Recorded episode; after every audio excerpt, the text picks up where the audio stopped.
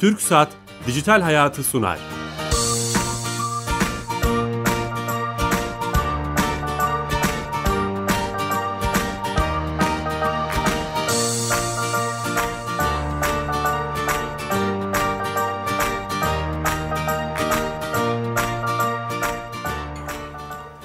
Efendim Dijital Hayat'a hoş geldiniz. Teknoloji, internet ve sosyal medyanın hayatımıza etkilerini konuşuyoruz. Her hafta uzman bir konukla. Bu hafta çok ilginç bir konuyu konuşmak istiyoruz. Çok uzun zamandır konuşmak istediğimiz, bu konuda sorular da gelen bir konuyu konuşacağız. Çok değerli bir konuğum var. İlk önce konuğumu size takdim etmek istiyorum. Marmara Üniversitesi İletişim Fakültesi Dekanı ve Sosyoloji Profesörü Sayın Ergün Yıldırım. Hocam hoş geldiniz. Hoş bulduk. Sağ olun. Nasılsınız hocam? Çok teşekkürler. Ee, eyvallah hocam. Genel bir perspektiften çok önemli bir konuyu konuşmak istiyoruz. Hayatımızı değiştiren. Ee, internetin hem bireysel hem kurumsal olarak hayatımızı şeffaflaştırdığını görüyoruz. Acaba bu evet. tespitimiz, bu e, karşılaştığımız şey sosyoloji açısından doğru bir tespit mi? Bunu konuşacağız uzun uzun. Sorularımız var. İzleyicilerimizden, dinleyicilerimizden gelen sorular da var. Ama öncesinde hocam bizim sponsorumuz Türkiye Gov.tr'yi yapan e, TürkSat Kurumu. Bizi başından beri destek veriyorlar. E, devlet kapımızı hayatımızı kolaylaştıran bir servis. Orada uzman direktör arkadaşımız Sami Yenice var. Ona bağlanıyoruz ve her hafta bize bir özelliği e, anlatıyor hayatımızı kolaylaştıran. E, bilmiyorum Türkiye Gov.tr'yi kullanıyor musunuz? E, çok acayip güzel özellikleri var. Şimdi arkadaşımıza bağlanacağız. Sam Bey.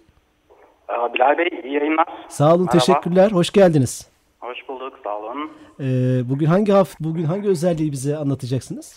Evet aslında bugün bir özellikten ziyade bir duyuru gibi olacak E-Devlet kapısı ile ilgili. Biliyorsunuz E-Devlet şifrelerini PTT şubelerinden alıyoruz. Evet. E, kimliğimizi gösteriyoruz. PTT memuru bize şifre zarfını teslim ediyor. Şöyle bir değişikliğe gittik. Artık şifre zarfı vermiyoruz. E, kullanıcılar cep telefonu numaralarını PTT şubelerinde beyan ettiklerinde şifrelerini SMS olarak gönderiyoruz. Aa, Kısa mesaj olarak gönderiyoruz. Neden? Unutmalarını ve kaybetmelerinin önüne geçmek için artık o şifreyle Türkiye Gov.tr'ye girdiğinizde şifrenizi yenileyebilirsiniz. Böylece tekrar PTT'ye gitmek durumunda kalmazsınız. Hmm, çok iyi. Bu, bu yeni özellikten e, bahsetmek istedim bu programda. Çağa da uygun olmuş. Ee, e, onu telefonunda saklayabilir. Peki kaybettiği zaman gene aynı SMS mi gelecek? Tabii tabii. Sadece Türkiye Gov.tr'ye girip şifremi unuttum, kaybettim kısmındaki adımları izlemesi yeterli olacak. Demesi gerekir. Süper bir özellik. Elinize sağlık. Teşekkür ederiz. Çok sağ olun. Tüm ekibe selamlar. Tabii ki. İyi yayınlar. Sağ olun. Kolay gelsin. Evet TürkSat'a da bağlandık. Ee, Sami Yenici'ye. Ee, güzel bir özelliği bize anlattı. Hocam e, yeni açan dinleyicilerimiz için tekrarlamakta fayda var. İnterneti konuşacağız ve bunun evet. bireysel ve kurumsal olarak e, bizi şeffaflaştırıp şeffaflaştırmadığını konuşacağız. E, sosyoloji profesörü Marmara Üniversitesi İletişim Fakültesi Dekanı Ergün Yıldırım hocamız konuğumuz stüdyomuzda. Hocam hemen direkt sorayım. E, özellikle hani son gündem son işte günlerde yaşadığımız, son haftalarda yaşadığımız bir 15 Temmuz süreci ve evet. cemaatleri konuşuyoruz. Belki böyle girsek daha güzel olur. Cemaatler aslında kapalı yapılar ama internette var oldukları için bir anda şeffaf oluyorlar, görünür oluyorlar. Evet. Bu gerçekten tetikliyor mu internet? Kesinlikle tetikliyor. İnternet sadece bir teknoloji değil aslında. Yeni bir takım ilişkiler getiriyor. Hem insan için hem toplumlar için. Bu ilişkilerde öne çıkan en önemli unsurlardan biri, birisi bireyselliğin keşfi, bireyselliğin temsili. Yani laptop dediğimiz şey kişiye özel olan bir makina ve yine Twitter dediğimiz, Facebook dediğimiz bu teknolojiyle gelen alt teknolojiler de sistemler de yine bireyin kendisini merkeze al alarak anlatımını kolaylaştıran e, yollar. Dolayısıyla insanlar bunlarla tanıştıkça, bunları konu kullandıkça bireysel kimliğiyle çok daha fazla öne çıkıyor. Çok daha fazla kendini anlatmış oluyor. Çok daha fazla kendini temsil etmiş oluyor. İnternet 1960'ların ortasında ortaya çıkış hikayesi de bu açıdan önemli. 1960'ların ortasında Amerika Birleşik Devletleri Savunma Bakanlığı'nda e, Soğuk Savaş döneminin şartlarının etkisiyle e, Rusya e, Sovyetler Birliği'ne karşı geliştiriliyor ve ana felsefe şu merkezi bir güç olmadan kontrol edilebilir bir nokta olmadan düşmanımıza karşı savaşımı nasıl sürdürebiliriz? Dolayısıyla burada otorite, merkez e, merkezi güç diye bir şey ciddi anlamda buharlaşıyor. Bireyler var artık. Sonsuz sayıda bireyler var. Yani dünyada tabii sonsuz bireyler yok ama milyarlarca kişiden oluşan bireyler var. O nedenle klasik kurumsal yapılar, klasik toplumsal örgütlenmeleri, klasik cemaat yapılarını, klasik insan ilişkilerini değiştiren e, devrim kelimesi pek sevmiyorum ama devrimsel nitelikte yeni durumları ortaya çıkarıyor. Yani işte artık insan bir merkeze bağlı kalmadan kendisi olarak, özne olarak, birey olarak kendisini anlatıyor, hikayesini anlatıyor, görüşlerini anlatıyor. Olaylarla ilgili nefret ettiği, sevdiği yemekler, siyasi gelişmeler, bütün bunlarla ilgili kendi e, dünyasından bir takım şeyleri buraya Kendini yansıtıyor. paylaşıyor. Kendisini paylaşıyor, kendisini katmış oluyor. Bu hakikaten yeni bir şey. Yani hatta dünyadaki uygarlığı teknoloji üzerinden giderek anlatmak gerekirse yani üç uygarlıktan bahsetmek mümkün. İşte bir tanesi yazının keşfi, ikincisi matbaanın keşfi, üçüncüsü de internetin keşfi aslında. O kadar önemli görüyorsun. O kadar önemli bir şey. Ve hatta bu o kadar önemli bir şey ki sosyolojiyi de ciddi anlamda etkiliyor ve sosyologlar yeni toplum teorilerini ortaya koyuyorlar. İnternet iletişimiyle beraber. Evet, internetle beraber, iletişimle beraber eski toplum teorilerinden vazgeçiyorlar. Mesela çağımızın Marx'ı denilen Immanuel Castel diye bir sosyolog var ve onun Network Society diye bir teorisi var. Network toplumu. Artık toplum network toplumudur. Yani işte ağlar dediğimiz bir toplumsal dünya ortaya çıkıyor. Toplum ağlar içinde kendisini üretiyor, kendisini inşa ediyor, kendisini tanımlıyor, kendisini anlatıyor. Bu hakikaten önemli. Ne demek bu? Yani işte Türkiye'de insanlar, Türkiye toplumu, Türk toplumu dediğimiz zaman artık işte Uzak Asya'yla, Amerika Birleşik Devletleri'yle, Avrupa'yla veya Elazığ'la, Edirne'yle bütün bunlarla kendisini bu ağlar üzerinden şekillendiriyor. Bunlar üzerinde tanımlamaya başlıyor. Toplum ticaretini bu ağlarla yapmaya başlıyor. Kültür faaliyetlerini burada duyuruyor. Ders programlarını bu ağlar sayesinde diyelim kendi öğrencileriyle paylaşıyor. O nedenle artık toplum ağlar içinde kendisini yeniden üreten bir toplum. Üretim ilişkileri yerine aslında ağlar ilişkileri öne çıkıyor. Yani Marx hep üretim ilişkilerini kullanıyor sosyolojide. Bunun yerine ağ ilişkileri dememiz Ağ gerekiyor. ilişkileri. Yine işte diyelim e, işçi dediğimiz zaman fabrikada çalışan meta üretiminde bulunan bir kişiyi düşünüyoruz ama yeni dönemde artık ağlarda çalışan ve ağlarda üretim yapan bir insanı düşünmeye başlıyoruz. Bilgi burada öne çıkıyor çünkü Bilgi çıkıyor, evet. bu ağlarda en önemli metaların başında bilgi geliyor. Bilgi bankalarından bahsediyoruz. Yani işte diyelim ben bu dönem dört yıl boyunca küreselleşme dersini verdim. Yani bu ders var mı yok mu dünyada ne yapılıyor diye yine ağlarda araştırma yaptığımda karşıma Cambridge'de üniversitede bir hocanın programı çıktı, müfredatı çıktı. Ben onları ana başlıklarıyla aldım. İşte yaralanmaya çalıştım. Ne o beni tanır ne ben onu tanırım. Ağ üzerinden Evet ü- üzerinden bir bilgi paylaşımı. Ağ üzerinden bir etkileşim. Dolayısıyla bu her alanda böyle. Yani biz artık dünyada e, küresel konsepte yerleşen bir ağ sistemi var. Bunun içinde çalışıyoruz. Bunun içinde düşünüyoruz. Bunun içinde imajlar üretiyoruz. Bunun içinde biz ve ötekiler tanımını yapıyoruz. Bunun içinde dostlar ve düşmanlar tanımı daha öne çıkmaya başlıyor.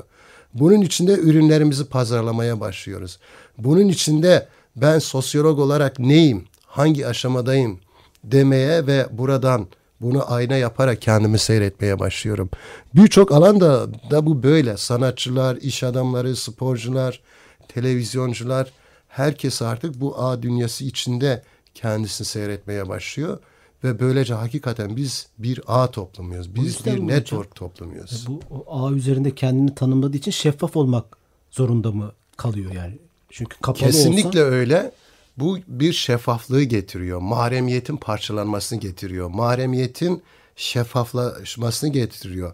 Mahremiyetten aleniyete doğru büyük bir dönüşümü getiriyor.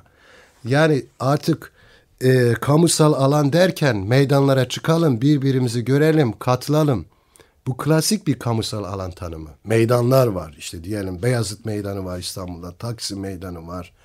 İşte bir sürü meydanlar var. Büyük mitingler buralarda yapılıyor. Buralara girip çıkınca alışveriş merkezleri, spor, stadyumlar, kamusal alanlar. Ama bunların ötesine artık siz buralara fiziksel olarak girmeseniz de ağlar üzerinde üstelik sadece Türkiye'de değil Meksika'daki insanlarla veya işte Arabistan'daki insanlarla veya işte Petersburg'daki insanlarla beraber bir takım beğenileri paylaşıyorsunuz. Bir takım düşünceleri tartışıyorsunuz. Dolayısıyla siz artık geniş bir dünya içinde kendinizi anlatıyorsunuz aynı zamanda. Bir şeylere kendinizi anlatırken kendiniz şeffaflaşıyorsunuz. Mahremiyetleriniz azalmaya başlıyor. Yani bir de tabii bu internet gençler e, nerede kullanıyor? Elinde cep telefonlarıyla artık yatak odakların, odalarında kullanıyorlar. Kendilerine ait odalarda kullanıyorlar. Şimdi modernleşmeyle beraber e, odalar kişilere has mekanlar haline gelmeye başladı. Eskiden bu kadar imkan yoktu. Şimdi çocuklarımızın her birinin kendisine ait odası var artık. Orta sınıf ve üst sınıf. Sadece üst sınıfların değil. E bu kendilerine ait odalarında yaşarken de yanlarında cep telefonları var. Bununla herkese mesajlaşabiliyorlar. Fotoğrafları gönderip alabiliyorlar. O nedenle ya kendi odalarını, yemeklerini paylaşıyorlar. Bu başlıyorlar. Paylaşıyorlar. En mahrem olan düşüncelerini, duygularını, mekanlarını, görsellerini paylaşıyorlar. Bu aslında mahremiyetin ciddi anlamda buharlaşması demek. Şeffaflaşmak açısından güzel bir şey. Kapalı toplum çünkü eleştiriye açık olmayan, e, tartışmaya açık olmayan, mukayeseye açık olmayan, dolayısıyla içinde ciddi sorunları da barındıran bir şeydir kapalılık. İşte bunu en çok FETÖ terör olayında görüyoruz. Bu kötü bir şey. Dolayısıyla insan farklı kültürlerle, düşüncelerle, insanlarla tanıştıkça, rekabete girdikçe, tartıştıkça, yan yana beraber oldukça daha az hata yapabilir, daha fazla kendini gözden geçirebilir, kendisiyle yüzleşebilir. Bu bir şeffaflaşmadır ve iyi bir şeydir. İnternet bunu sağlıyor, buna büyük katkılar sağlıyor.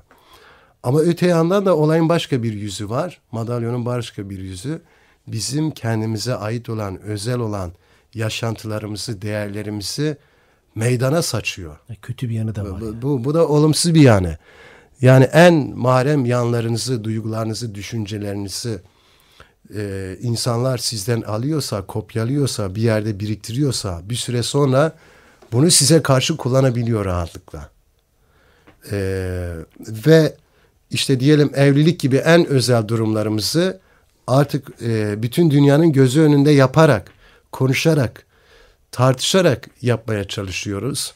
Oysa eski dönemi düşünün işte size çok yakın olan anneniz, babanız, dayınız, amcanız vesaire gider.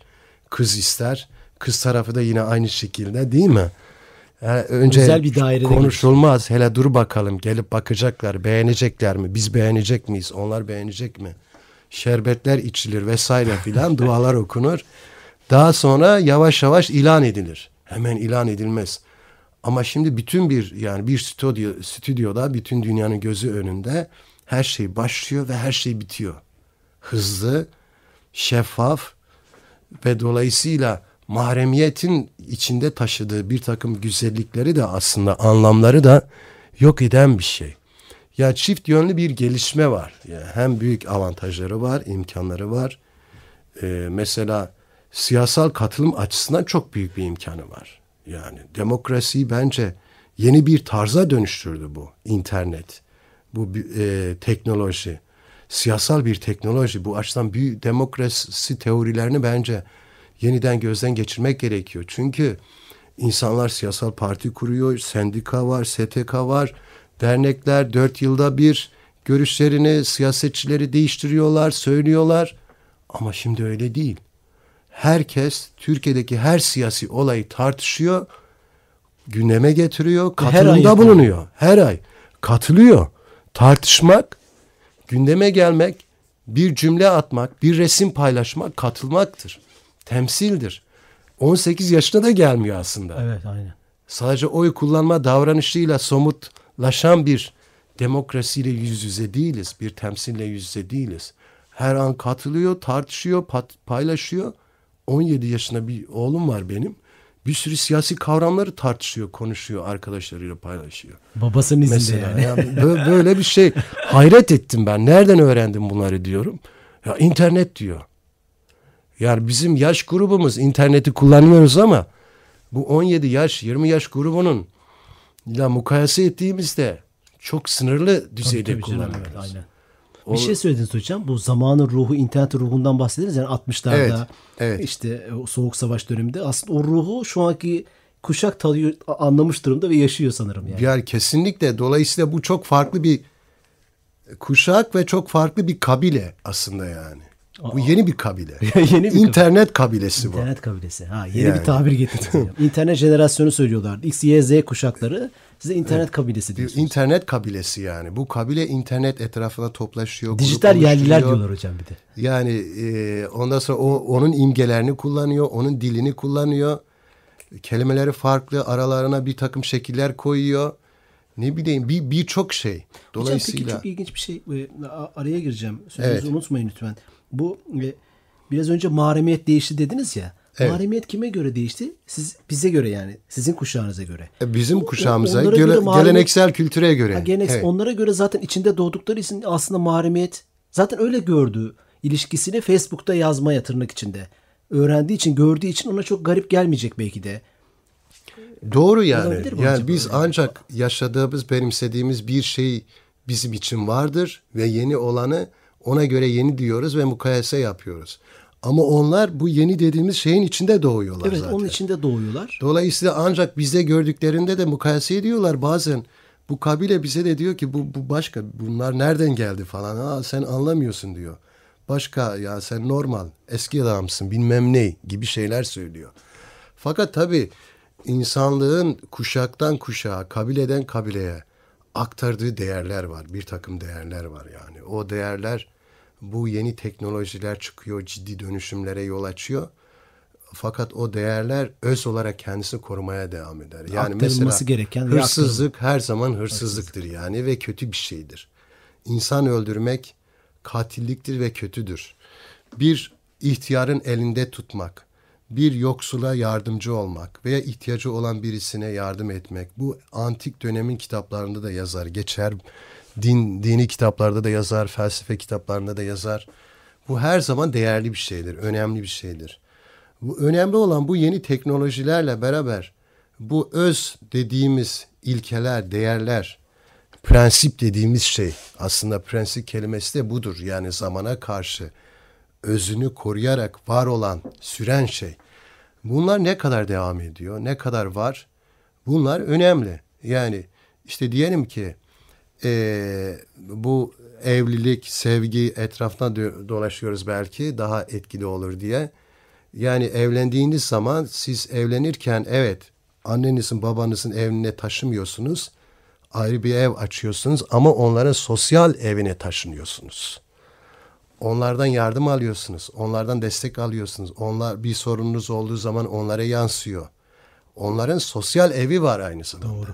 O nedenle siz evleneceğiniz kişiyi ben internet üzerinde tanıştım ve çok da fiziksel olarak, düşünce olarak hoşuma girdi ve karar verdim diyorsunuz. Ee, istişarede bulunmuyorsunuz, danışmada bulunmuyorsunuz annenize, babanıza. E bu mesela problemli bir şey. Evet görücü usulüyle tamamıyla onlara göre karar vermek problemli, hatalı ama hiç onları kaleye almamak, hiç onlara danışmamak, e, onlara haber vermemek de problemli bir şey. Dediğim gibi biz evet fiziksel olarak ayrı bir ev kuruyoruz ama sosyal olarak o evin içine taşınıyoruz. Yani. Onlarla beraber yaşıyoruz. O nedenle onlara danışmak önemli. Bu yeni teknolojilerde bunları yaşıyoruz veya demokrasiye katılım açısından çok önemli. Dedik yani doğrudan katılım var, hızlı katılım var. Fakat öte yandan filtreleme yok burada. Ne demek hocam? Filtrelemenin olmaması bir açıdan efendim işte ne iyi yani düşüncemi çok özgürce temsil ediyorum, anlatıyorum. Hegemonyayı temsil edenler, güç merkezleri beni engellemiyor. İyi bir şey. Fakat öte yandan insanların kendi reflekslerinden, kendi çıkarlarından, kendi hırslarından, kendilerine düşman diye, rakip diye belirledikleri insanlara karşı ortaya koyduğu gayri ahlaki tutumlar. Bunları da bu internette yaymaya başlıyor İşte insanlar. sahte hesaplar, operasyonel Evet. hesaplarla değil mi? İşte burada da ciddi şey sorunları çıkıyor. filtreleme yani. bu mu diyorsunuz? Bunları filtre. Filtreleme bu yani. Filtreleme aslında e, her zaman siyasal iktidarlar, siyasal düzenler bir takım filtrelemeleri yapıyorlar. Bir takım engelleri koyuyorlar, kanunla koyuyorlar, başka şeylerle koyuyorlar. Bazen bunları çok ağır koyuyorlar. O nedenle işte diyelim George Oliver 1984'ü yazmış. Hayvanlar çiftliğini yazmış. Bütün hayatını takip eden bir filtreleme var. Her yerde kameralar var şimdi. Bu kadar denetim, bu kadar gözetim İşte o dengeyi nasıl Problemli. Şeffaflıkta denetim. ama evet yani o dengeyi bulmak çok e, zor bir şey ama o dengeyi de bulmamız gerekiyor. Yani mesela Aristo'yla birlikte başlayan etik, ahlak prensipleri önemli bir şey. Yani sana yapılmasını istemediğini başkasına yapma ilkesi diyelim. Bizim ilkokuldan itibaren çocuklarımıza evrensel bir takım etik değerleri benimsetmemiz gerekiyor. Bu etik değerleri içselleştiren bir birey, bir insan teknolojiyi kullanırken bunları hatırlar ve ona göre adımlar atar.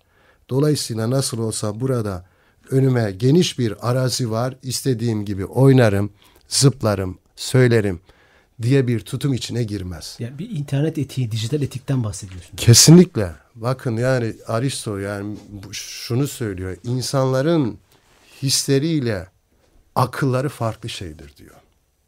Hisler hayvanlarda da var ama akıl hayvanlarda yok. Dolayısıyla insanlar hisleriyle akılları arasında bir uzlaşmaya varmaları gerekiyor. İşte bu mesela bir insanın parası varsa bu parayla birisine yardım etmesi cömertlik ama bu parayı yardım da değil ulu orta harcaması israftır. İşte bu israf hislerle ilgili ve aklın kullanılmaması demek. Cömertlik ise akıl aklın kullanılarak fazla paranın değerlendirilmesi demek. Bu etik değerler bu açıdan önemli. Bunlarla Hocam, burada teknoloji. araya girip internete Buyurun. aklımızla mı konuşacağız, ku- kullanacağız hislerimizle mi? O da Şimdi arzu çok önemli bir şeydir. İnsan varlığını ayakta tutan, canlılığını sağlayan en büyük şeylerden birisidir. Biz arzuyu yok edemeyiz. Arzuyu yok etmek insanı yok etmektir. Fakat arzuyu tek başına bırakmak insanın tamamıyla savruk, bencil, nihilist bir varlık olması demek. İşte akıl burada önemli. Akıl ve arzunun uzlaşımına dayalı bir kişilik, sağlıklı bir kişiliktir. İnternetin de böyle olması. İnsanlar arzularını tem- koyacaklar ama başkalarının arzularını engellemeyecek, başkalarının arzularının üstünü çizmeyecek veya aklıyla uzlaşan arzularıyla o kamusal alanda var olacak. Çok yani- önemli bir şey söyledik. Kendi bireysel varlığını her yönüyle oraya döktüğünüz zaman başkalarının yaşam haklarına müdahale etme gibi tutumlar çıkıyor ortaya. Bu konu hocam bu arzu konusunu psikolog bir konuğumuzla konuşmuştuk. Şöyle bir şey Evet. söylemişti. İnsan yazarken konuştuğundan daha rahat. Evet. Yazarken daha cesur. Kesinlikle. Cesaretli değil daha cesur ve Kesinlikle. e, sınırsız olabiliyor. O yüzden sosyal medya, internet yazı kültürüyle e, eşdeğer olduğu için çok o arzuları fazla ilerliyor. O, o da orada da bir Şimdi var. ben biraz daha ters düşünüyorum. Aslında Öyle mi? konuşurken insan daha az sansürlüyor kendisini. Özellikle trans haline geçerek konuştuğu zaman. Daha e, içten konuştuğu zaman. Trans haliyle konuştuğu zaman bütün sansürlemeyi kaldırıyor. Yani e, sanatkar, sanatçı en fazla sansürü aşan şahsiyettir. Bütünüyle öznelliğiyle konuşan varlıktır. Benliğiyle konuşan varlıktır. O nedenle arzularını çok daha fazla kullanan insanlardır. O nedenle saçmalama düzeyleri daha fazla olan insanlardır. Filozoflar ise arzuyu kısıtlayan ve aklı üst düzeyde kullanandır. Ama biz O yüzden mi yazarlar? yani yazarlar. Yazıyı denetleyebilirsiniz. Yazarsınız sonra tekrar dönüp bakarsınız. Yazma sizin zihninizdeki kelimeler ve şeyler, cümle yapıları ve kavramsal düzeniniz oranındadır. Yazmada duygu daha azdır. Yazma insanı aslında farklı bir statikleştiren bir şeydir. Ama konuşma öyle değil yani. Konuşma yürekten diyoruz ya. Yürekten olursa edebiyat ve sanatla temas kuran bir konuşmaysa orada arzu çok daha yükselir, yücelir yani. Ee, o nedenle bence arzuyla aklın evliliği önemli bu, burada. Uzlaşması önemli. Ee, işte o nedenle insanların haklarına saygılı olmak diyoruz. Haklarına saygılı olma akılla ilgili bir şey. Hak dediğimiz, kanun dediğimiz şey akılla temellenen şeyler. Başka bir şey daha söyleyeyim. Hislere temellenen şeyler onların değil. Onların arzularına da saygılı olmak. Orada biter dediniz yani. Tabii. Onların arzularına saygılı olmak. Kendi arzularımızı onların arzuları üzerine egemen hale getirmemek.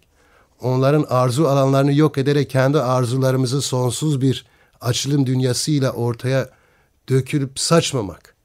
Bütün bunlar e, beraber yaşıyorsak, internet üzerine de beraber yaşadığımız bir dünya. Sadece fiziksel anlamda bir araya gelerek beraber yaşamıyoruz artık. Bakın o da önemli. İnternet üzerinde beraber yaşıyoruz. İnternet sanal bir, paralel bir dünya, paralel bir toplum, sanal bir toplum var. Ve bu e, soyut değil. O kadar hayatımıza iç içe ki yani. Hangisi gerçek, hangisi gerçeküstü bazen değil mi? Ayırt edemiyoruz bunu. Sanalla gerçek arasında. Sanalla gerçek arasında bazen bunlar geç İç bunlar arasında geçişler oluyor. Dolayısıyla eşikler var ve insanın işi zor yani. O nedenle burada gerginliği de artıyor aslında yani. Hocam bir bir bu program evet. daha sözü alacağım sizden. Sanalla gerçek arasındaki programı yapmamız lazım. Yani çok çok enteresan yerlere temas ettiniz. Tabii sosyolojik sosyolojik açıdan bakınca olaylara daha üst bir pencereden bakabiliyorsunuz. Ee, ve güzel tahliller ortaya çıkıyor. Genel olarak şunu anlıyorum. Son 30 saniye 40 saniyemiz kaldı. İnternet dediğimiz şey yani başa dönecek olursak evet, hem tespitler evet. yaptınız ve çözüm önerilerini söylediniz. Ee, internet dediğimiz şey bireyi ve toplumu şeffaf hale getirdi. Evet. Ve bu iyi bir şey. Evet. Diyebiliriz evet. değil mi hocam? Yani son... Kat, kesinlikle şeffaf haline getiriyor, katılımını artırıyor, e, demokratik bilgi paylaşımını sağlıyor. Bunlar çok önemli şeyler. Eskiden insanlar araştırma için kilometrelerce yol giderdi, zamanlarını verirlerdi. Şimdi internet üzerinde Aynen. alıyorsun bilgileri. Hocam çok teşekkür ederiz. Ben teşekkür çok ederim. güzel mesajlar verdiniz. Ayağınıza, yüreğinize sağlık. Ee, Marmara Üniversitesi İletişim Fakültesi Dekanı Sosyoloji Profesörü Ergün Yıldırım hocamla beraberdik. İnternetin şeffaflaştırdığını bizi konuştuk ve bu konuda mutabık kalmış olduk. Ee, yönetmenimiz Mahmut Dağıstan, yapımcımız Kenan Bölükbaş ve ben Bilal Eren. E, haftaya yeni konu ve konuklarla beraber olacağız. Programımızın geçmiş kayıtlarına YouTube hesabımıza ulaşabilirsiniz. İyi hafta sonları.